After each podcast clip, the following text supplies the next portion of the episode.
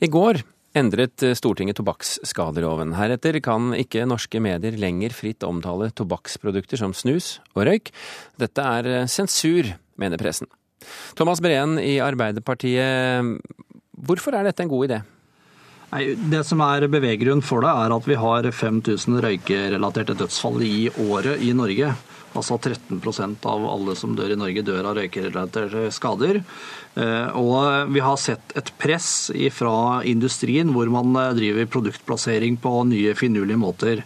Derfor så ønska vi å slå tydelig fast at eh, det man har sett for alkohol, altså med med å drive testing, forbrukertesting og gi terningkast på produkter eh, for eh, tobakk, det ønska vi ikke en utvikling på.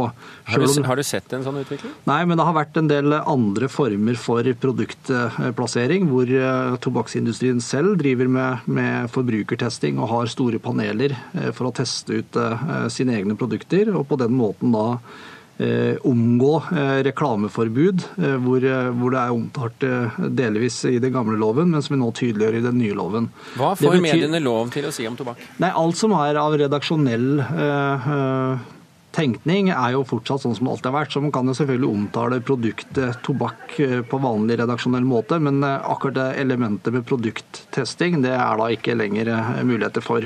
Men altså produkttesting når det gjelder røyk, er det veldig omfattende? Det har ikke vært omfattende, men vi ønsker i hvert fall ikke en, en eh, ytterligere press i den retning fra industrien selv, sånn at det var greit å slå det fast i, i lovs form før det ble et problem. Bent eh, Høie fra Høyre, du stemte mot dette forslaget. Hvorfor gjorde du det? Nei, det er fordi vi mener at dagens reklameforbud fungerer, og at det vil være tilstrekkelig for å hindre at en får salgsfremmende Eh, annonser og, og går over streken i omtale til å bli reklame.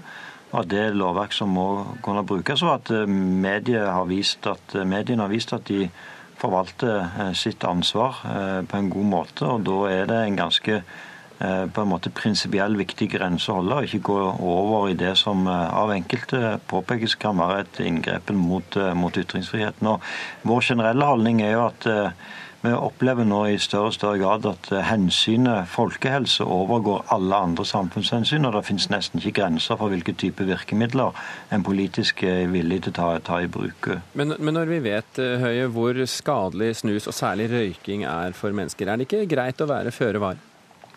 Jo, det er greit å være føre var, og vi har eh, streng lovgivning på dette området. Når det gjelder eh, reklame og muligheten for å markedsføre den type produkter, er Norge blant de strengeste i, i, i fall i Europa. Og, og, og, det fungerer godt òg. Eh, men det går noen prinsipielle grenser som vi har vært opptatt av å holde. Anser du dette som sensur av mediene? Altså, jeg mener at dette egentlig ikke er et problem, fordi mediene har ikke etter min oppfatning eh, i noen særlig grad eh, gjort dette. Eh, de har et, tar et samfunnsansvar og har et samfunnsansvar. Så dette blir mer en prinsipiell diskusjon enn en diskusjon over et faktisk problem.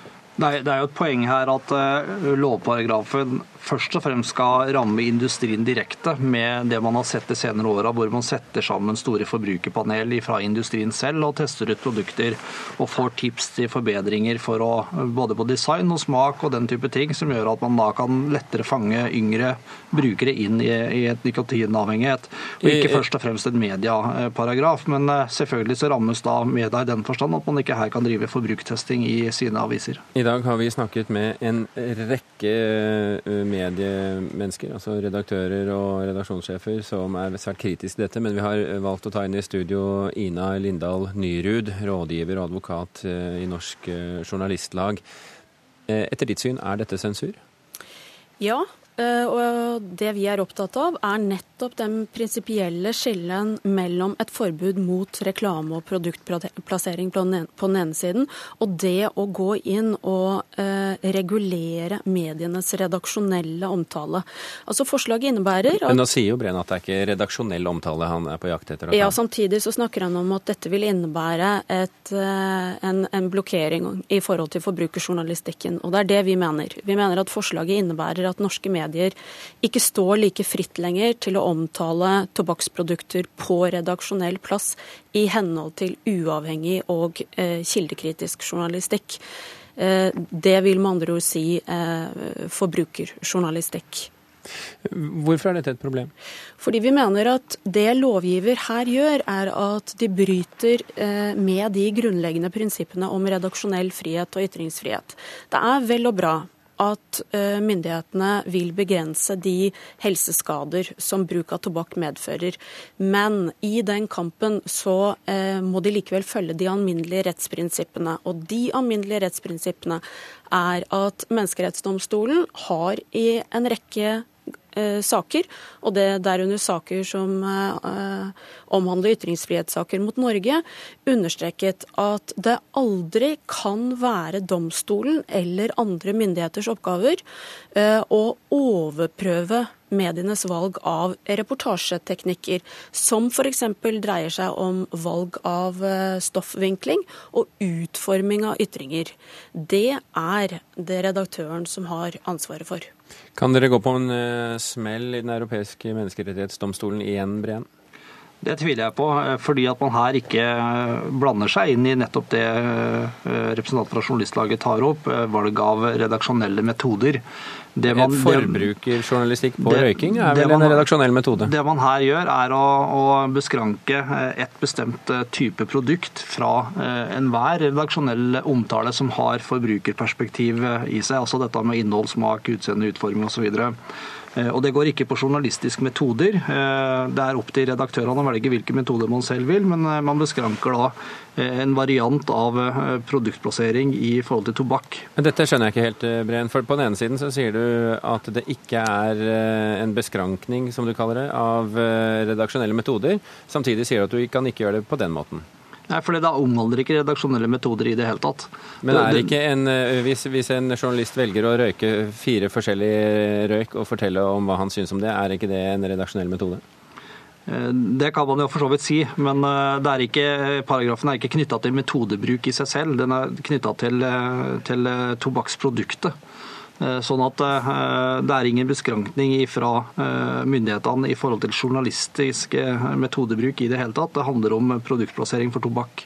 Sånn at Mediene er jo ikke omtalt i paragrafen som sådan heller. Det er en beskrankning da i forhold til tobakksprodusenter og det å ha et forbud mot produktinnhold og forbrukerperspektiv i forhold til det. Du, ser du gode argumenter her, Høie? Nei, Vi ser jo at eh, Direktoratet har jo gjort eh, forsøk på denne type inngrep eh, med utgangspunkt i dagens paragraf. og Dette er jo en forsterkning av paragrafen. og Det er jo det som også er litt av, altså hovedbegrunnelsen for oss for å gå imot mot dette, er jo knytta til den prinsipielle grensen som en bryter. fordi Det er jo ingen som kan være uenig med den gode målsetningen om å redusere tobakksbruken. Men hvis en setter denne type prinsipielle spørsmål på spill med utgangspunkt i hva som har en god hensikt, da vil en alltid kunne stille seg spørsmål ja, er det ikke andre gode hensikter òg i samfunnet som kan rettferdiggjøre tilsvarende regulering av mediet sin, sin omtale. Og Da er en ute på et skråplan som fort kan eh, føre galt av sted. Breen, hvordan skal dette håndheves? Ja, altså, den logiske konsekvensen av det resonnementet til Høie er at man da i så fall må oppheve reklameforbudet også. For den har den samme beskrankningslogikken. Eh, jeg er uenig i det. Jeg mener at det er opp til eh, lovgiver å bestemme eh, denne type ting i, i lovgivninga. Det har vi jo gjort i forhold til tobakk i lang tid, og media har heller aldri hatt noen tradisjon for å drive forbrukersaker innenfor tobakksindustrien. Sånn at jeg mener at I forhold til media så er det et lite problem. I forhold til tobakksindustrien Unnskyld, så har det vært et større problem. Unnskyld, mine herrer. Jeg må bare dessverre bryte av. og Det er av rent tekniske årsaker. For dere sitter altså i et eh, studio i uh, Stortinget. Uh, og der har ikke vi mer enn 15 sekunder igjen av den tiden vi har der. Så er det noen andre som skal inn der. Tusen hjertelig takk Bent Høie og Thomas Breen for at dere kunne være med derfra. Jeg har et spørsmål til slutt til, til deg, Nyrud. Er det aktuelt eh, å gå videre med denne, eh, denne bestemmelsen i loven, f.eks. til Menneskerettighetsdomstolen? Eh, ja, Nå kom jo dette på, på, bordet i morges etter at de behandlet uh, dette i Stortinget i, i, går kveld.